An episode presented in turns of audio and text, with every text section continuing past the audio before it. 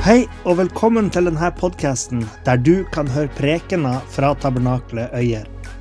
Vi håper det du hører her, vil være til oppbyggelse for det, og at det kan være til hjelp med å lede det til sannheten om Jesus.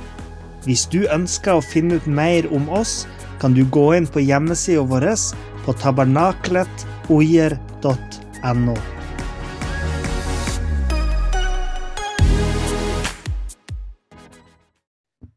blir en eh, jomfruelig preken i dag, som handler om lignelsen om de ti jomfruer.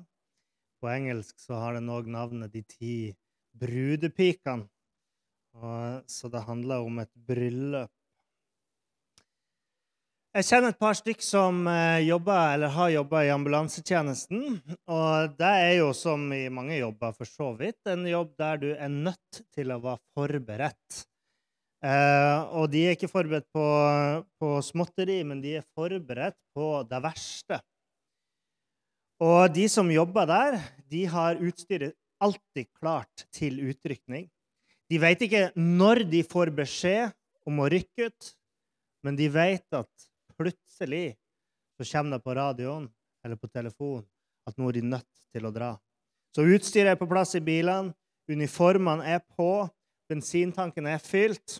Det er jo dumt å skulle rykke ut til ei ulykke og se at tanken er tom, eller at du ikke har med bandasjer i bilen. sant? Og det er altså en situasjon der det står de her tingene, alle de her enkle, små forberedelsene, de handler om liv eller død.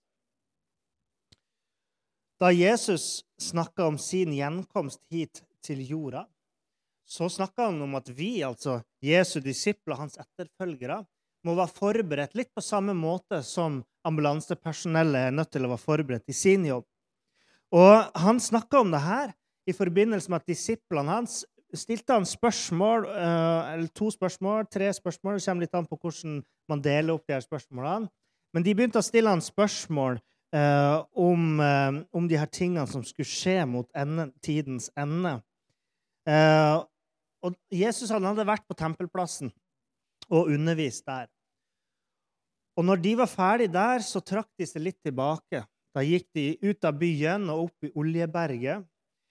Og der så, så, var det bare Jesus og disiplene, litt mindre grupper, og de begynte å stille spørsmål litt sånn i en samtaleform. ikke sant? Og de spurte om Jesu gjenkomst. Og de spurte når skal dette skje, og hva skal tegnet på ditt komme være, og på verdens ende? Så Jesus han begynte å forklare alle de tingene her. Når skal Jesus komme tilbake? Han hadde jo tidligere snakka om at Ingenting skulle bli igjen på tempelplassen. Der skulle det ikke være stein på stein lenger. Alt det måtte skje før han skulle komme tilbake. Og de spør når skulle det skje. Hva skal tegnet på ditt komme være? Og hva skal tegnet være på verdens ende? Og de spurte det her for de ønska å få innsikt i de her tingene. De ville forstå når det skulle skje. Og Jesus begynte å fortelle om det her, men de fikk aldri vite akkurat når det ville bli. De fikk ingen dato. Verken disiplene eller vi får vite i disse historiene når Jesus kommer tilbake på dagen. Men forrige søndag så, så hadde vi besøk av noen folk fra Betel Valset, og han som var lederen i den musikkgruppa, han sa jo det her at vi har aldri vært nærmere. Og det er jeg jo helt enig i. Har aldri vært nærmere den dagen da Jesus kommer tilbake. Og etter at Jesus hadde snakka med disiplene om når det skulle skje, og hva tegnene på hans komme skulle være, og hva tegnene på verdens ende skulle være, så fortsatte han å forklare dem noen viktige ting om hvordan det ville bli når den dagen skulle komme. Hva som ville skje når Jesus kom tilbake. Og Da fortalte han de tre lignelser. Han fortalte de en lignelse som het lignelsen om den trofaste tjeneren, lignelsen om de ti jomfruene og lignelsen om talentene. Og de her tre lignelsene handler om å være forberedt, eller rede, som noen bibeloversettelser sier. Og Vi skal lese fra Matteus kapittel 25, vers 1-13, som er da lignelsen om jomfruene. Og denne lignelsen handler jo da om hva som skal skje når Jesus kommer tilbake igjen. Der står det Da skal himlenes rike lignes med ti jomfruer som tok lampene sine og gikk ut for å møte brudgommen. Fem av dem var kloke, og fem uforstandige. De som var uforstandige, tok lampene sine, men de tok ikke olje med seg. De kloke tok olje i kannene sammen med lampene sine. Da brudgommen lot vente på seg, slumret de alle og sovnet. Men ved midnatt lød det et rop. Se, brudgommen kommer! Gå ut og møt ham! Da sto alle jomfruene opp og stelte i stand lampene sine. De uforstandige sa til de kloke, Gi oss av oljen deres, for lampene våre slukner. Men de kloke svarte, Nei, gjør vi det, ville det ikke bli nok både til oss og dere. Gå heller til dem som selger, og kjøp til dere selv. Mens de gikk bort for å kjøpe, kom brudgommen, og de som var rede, gikk inn med ham til bryllupet, og døren ble stengt. Etterpå kom også de andre jomfruene og sa, Herre, Herre, lukk opp for oss!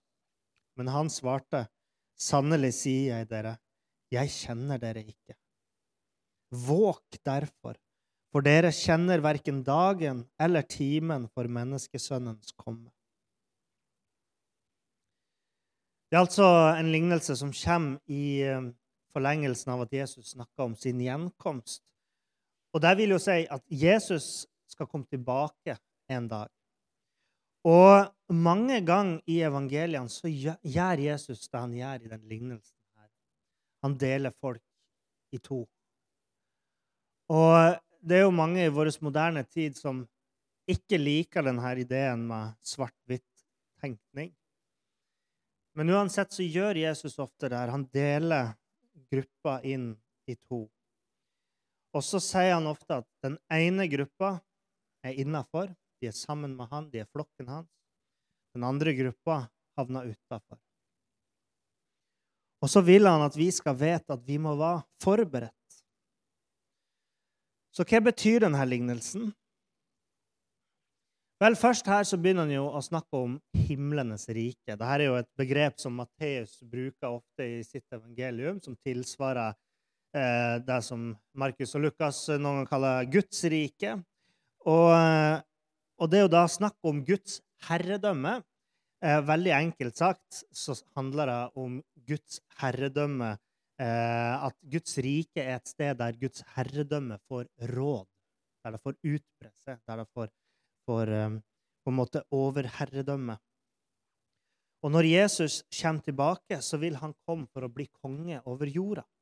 Han vil ikke da bli en konge som blir hengt på et kors, men han vil regjere og utøve sin makt her i verden. Og I denne lignelsen så beskrives ikke Jesus som en konge, men han beskrives som brudgommen Eh, det sies ikke noe her direkte om bruden, for dette er jo en lignelse, og der er ikke alltid de samme bildene brukes.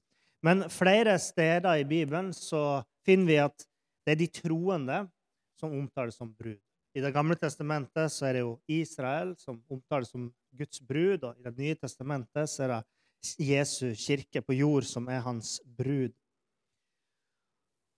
Og i denne lignelsen så er det ikke da bruden som fremstilles som de kristne. så Derfor er kanskje bruden utelatt her, for å forstå at det er vi som er jomfruene i denne lignelsen. Vi er de her brudepikene, de her som venter på brudgommen. Og de fem uforstandige jomfruene er jo de kristne som ikke gidder, eller som ikke tar på alvor det her med å være forberedt til Jesus kommer tilbake. Og de fem kloke jomfruene er jo de kristne da som er forberedt. Og oljen i lampene tenker jeg da at eh, handler om at, det, at, vi er fylt av Den hellige ånd, som er en salvelse, som er en olje i vårt liv. Um, og at vi er dermed født på ny. At vi bærer åndens frukter i livene våre. At vi eh, på en måte ikke står og lever i synd når Jesus kommer tilbake, men at vi har sakene våre i orden, for å si det sånn. da. At vi lever et liv i ånden når han kommer tilbake. Og så ser vi en ting til, og det er jo det her med at Jesus han sier at vi ikke um, får vite akkurat tidspunktet når han kommer tilbake. Han har gitt oss noen tegn å forholde oss til, men han har ikke gitt oss dagen eller timen. Og slik er det òg med de her jomfruene i lignelsen. sant? De vet ikke akkurat når han kommer. Det står til og med brudgommen lot vente på seg. Det vil si at eh, han kom seinere enn de hadde forventa. Så de slumra, og de søvna. Han kommer veldig seint. Og det var jo veldig uvanlig å skulle starte en bryllupsfest ved midnatt når folk hadde gått og lagt seg og sovna, liksom. Så derfor må jeg se på denne lignelsen og tenke at sett i forhold til et vanlig menneskelig bryllup, så er dette et litt merkelig, litt annerledes bryllup. Det fremstår ikke helt slik man ville utført et bryllup på den tida. Eh, det ene er jo det at brudgommen kommer så seint at, at de her jomfruene eller brudepikene de har allerede søvna. Både de uforstandige og de kloke hadde søvna når brudgommen kom. Og det andre er at brudgommen stenger de her uforstandige jomfruene ute fra bryllupsfesten bare fordi de ikke hadde olje på lampene når han kom. Og der får vi til å tenke at Hadde det vært et ordentlig bryllup, så hadde man jo kanskje sluppet det inn allikevel. Men lignelsen her er tilpassa ikke den ikke, ikke på en måte, Den er ikke ment å være bare en realistisk fortelling om hvordan bryllup foregår. Men den er tilpassa den virkeligheten som den skal si noe om. Og det er den virkeligheten at Jesus kan komme tilbake både før og seinere enn det vi tror. Det er avgjørende at vi er forberedt til han kommer. For hvis ikke, så kan det hende at vi ikke får være med Jesus inn i det evige livet. Det er jo den sannheten, det er den virkeligheten denne lignelsen er meint å forkynne til oss.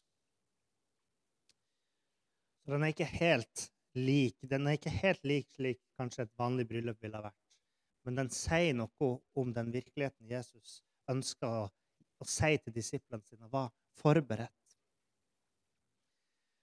Før jeg gifta meg, så hadde jeg en, eh, en 1965 Volkswagen Bobla. Så den var bare 50 år gammel. Topp moderne bil, med andre ord. Og så måtte jeg selge den fordi ja, Kjersti skulle absolutt ha bryllup. og ting. Jeg sa jo alltid at det er jo gratis å gå i kirka og gifte seg. Vi skal feste og sånn. Så, ja, ok. Men eh, 65-modellen hadde jo på den tida det nyeste av sikkerhetsutstyr. Som var at på akkurat den modellen så introduserte Volkswagen et rattstag med knekk på.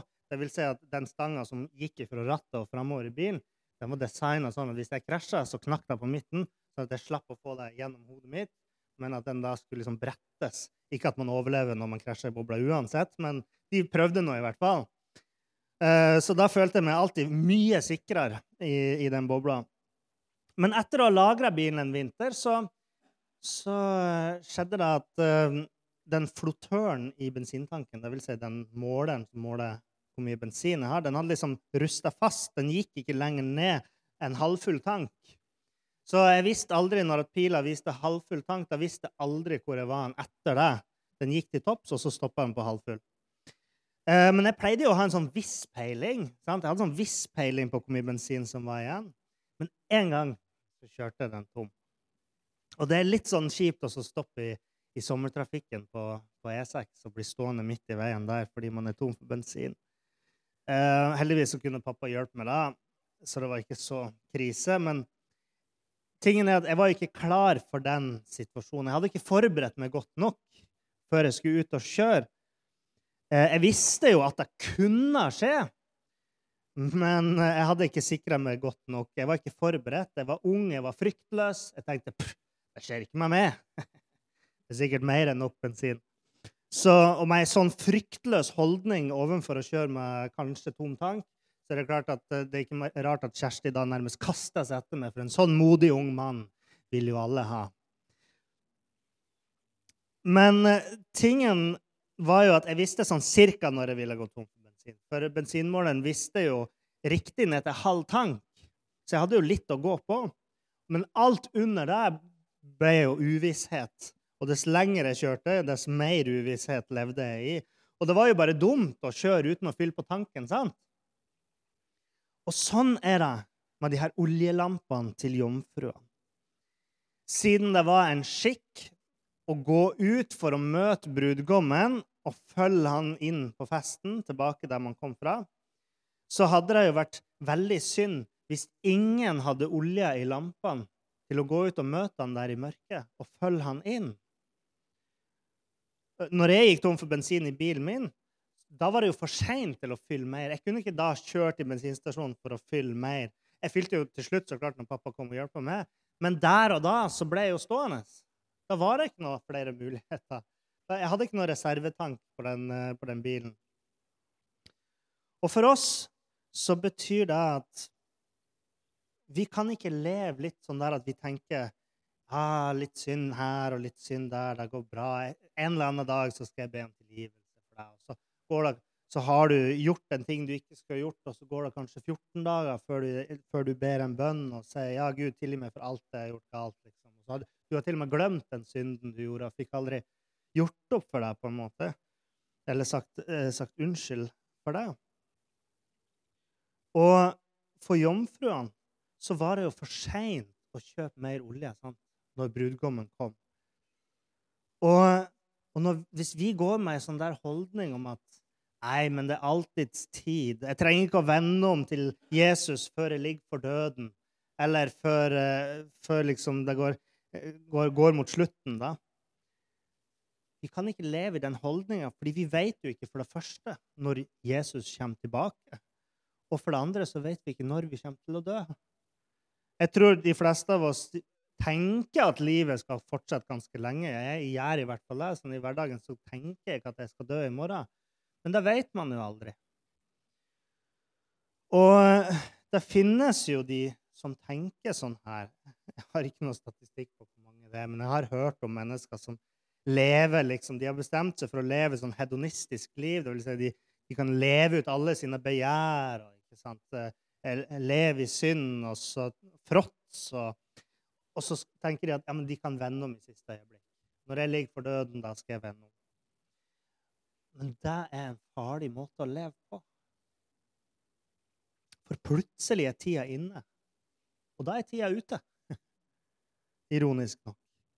Plutselig er tida inne for Jesu gjenkomst, men da er tida òg ute for det, til å på en måte be om unnskyldning og og vende om igjen. Enten så har du fylt olje i lampa di når brudgommen kommer, eller så har du ikke det. Enten har du gjort opp med Gud og skværa opp.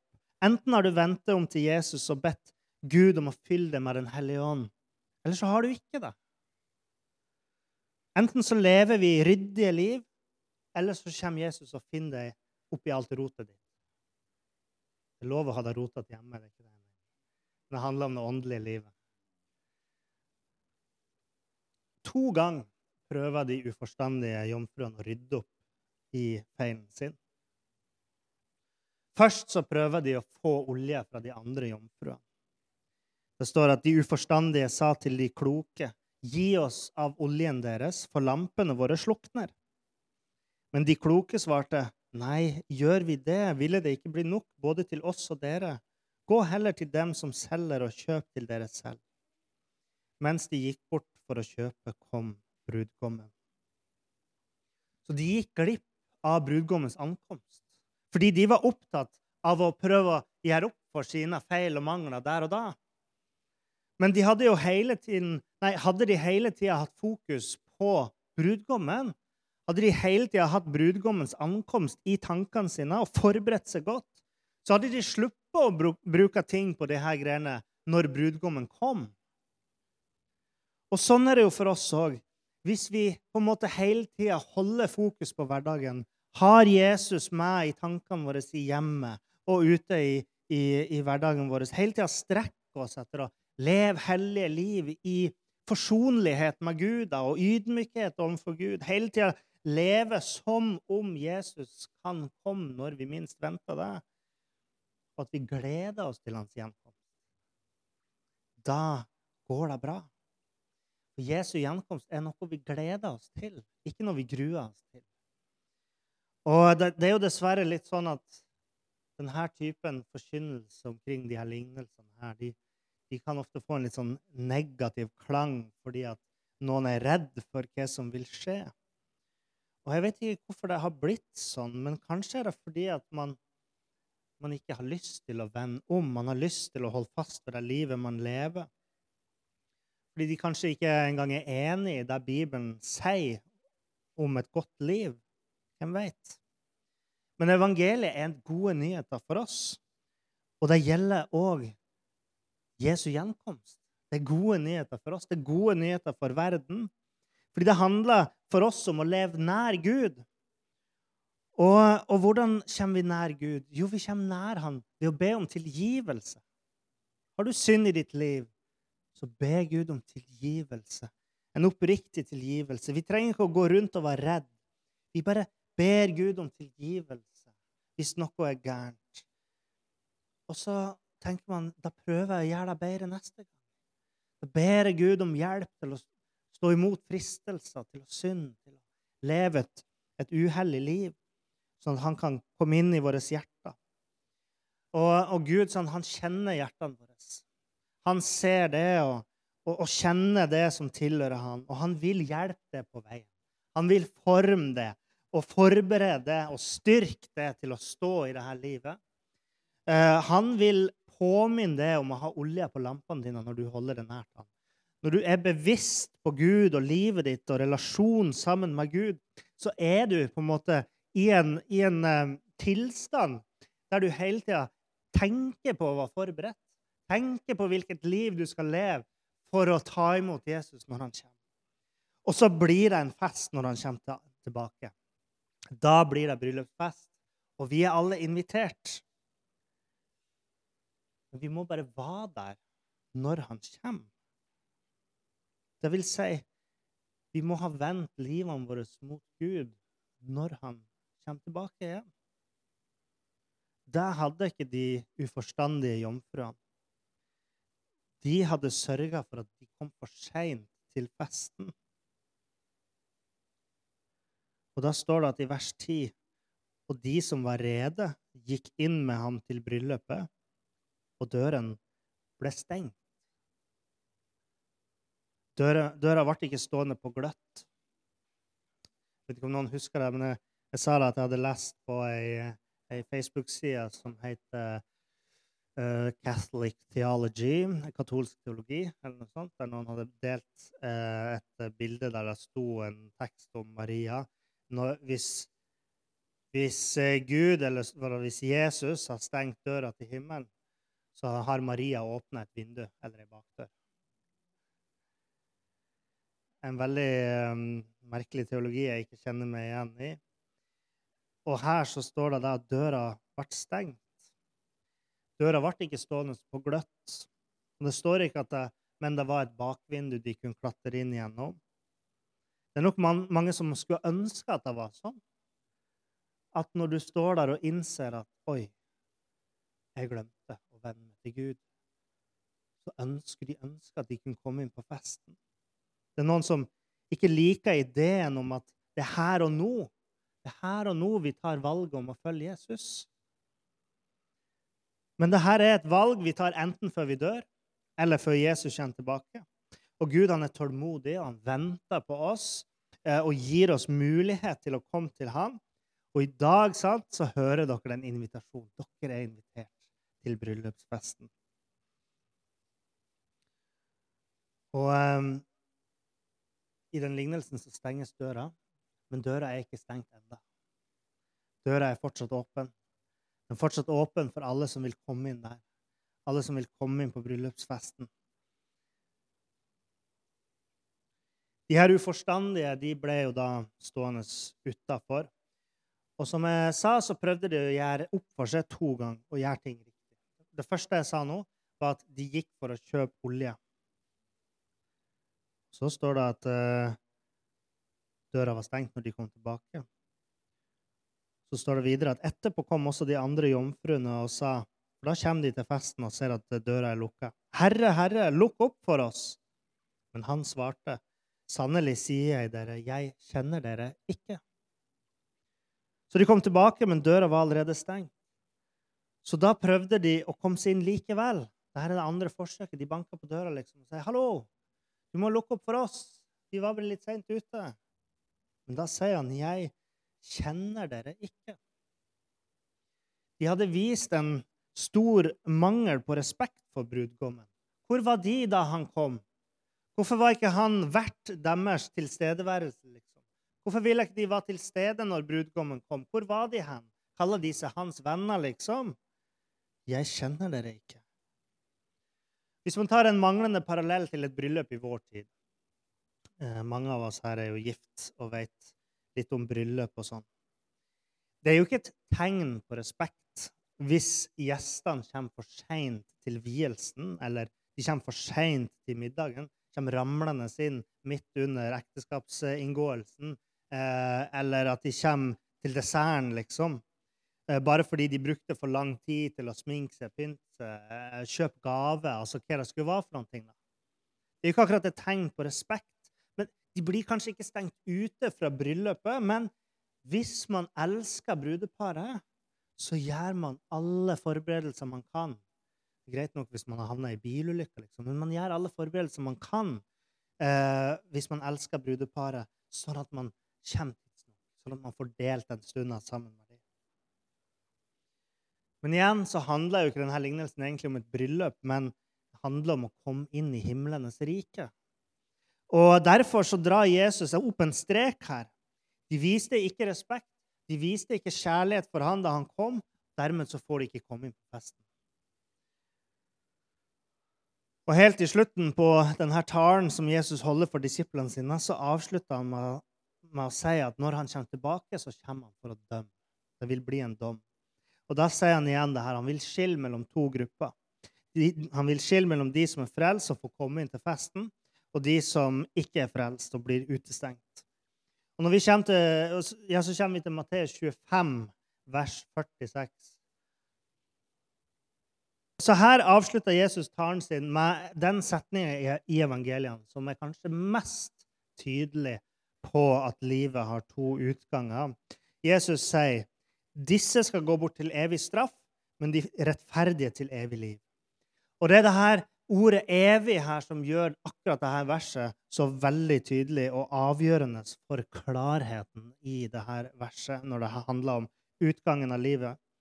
På gresk så er 'evig' her det greske ordet eh, ainion, ja, er bøyninga som brukes her. Som brukes både om den evige straffen, ainion, straff, og ainion, liv. Evig straff, evig liv. Samme ordet, samme betydning.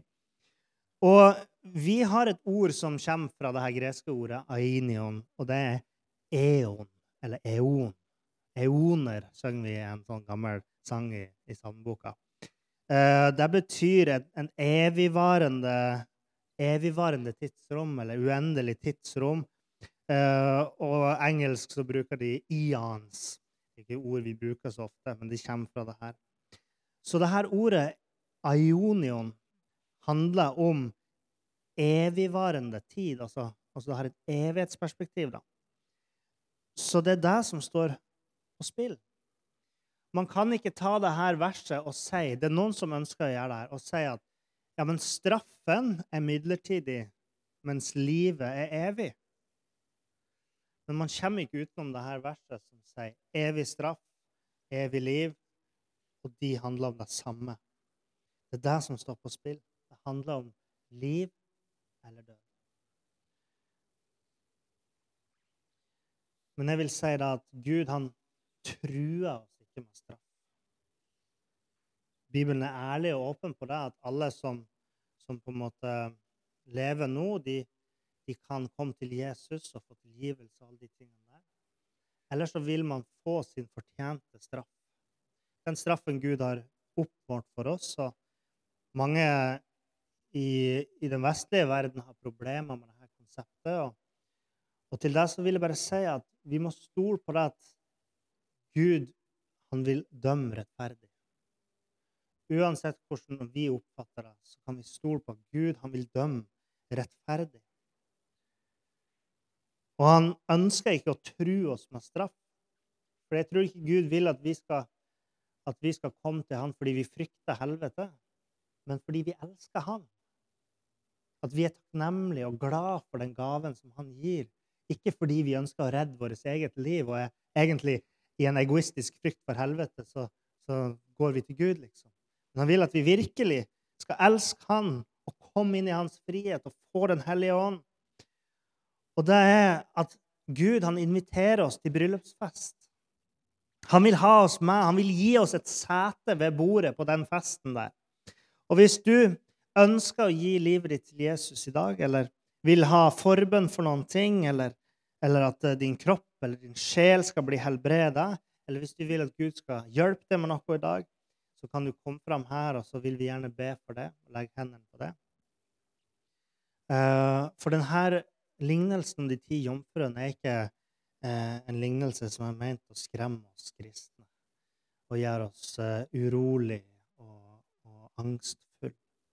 Men det er en lignelse som er ment å gi oss en vekker. Vi trenger det. Vi trenger en liten spark i baken. Om man kommer til Johannes' åpenbaring, så, så, sier Jesus da at uh, han vil ikke at vi skal være lunken.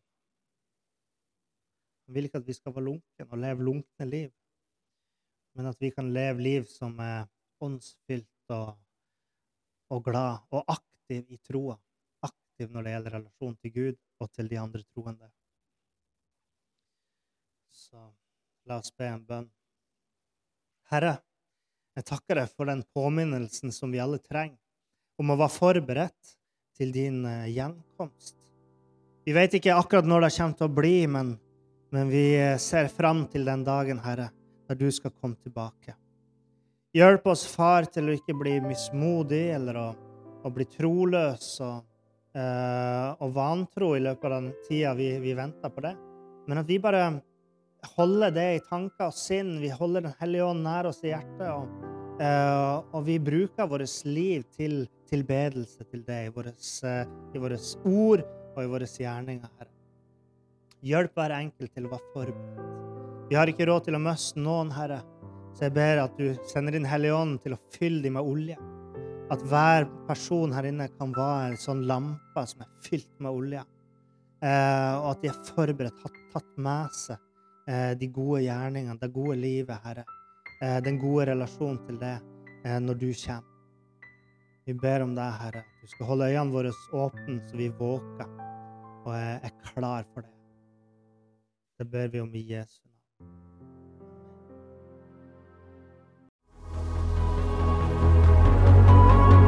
Takk for at du hørte på. Hvis du tok et steg i tro i dag, eller du har noe du ønsker forbønn for, så vil vi gjerne høre ifra det via e-postadressen kontakt alfakrølltabernaklet.oier.no. Du er òg velkommen til våre ukentlige gudstjenester i menighetslokalet i Haugskutua 5 26 36 Øyer.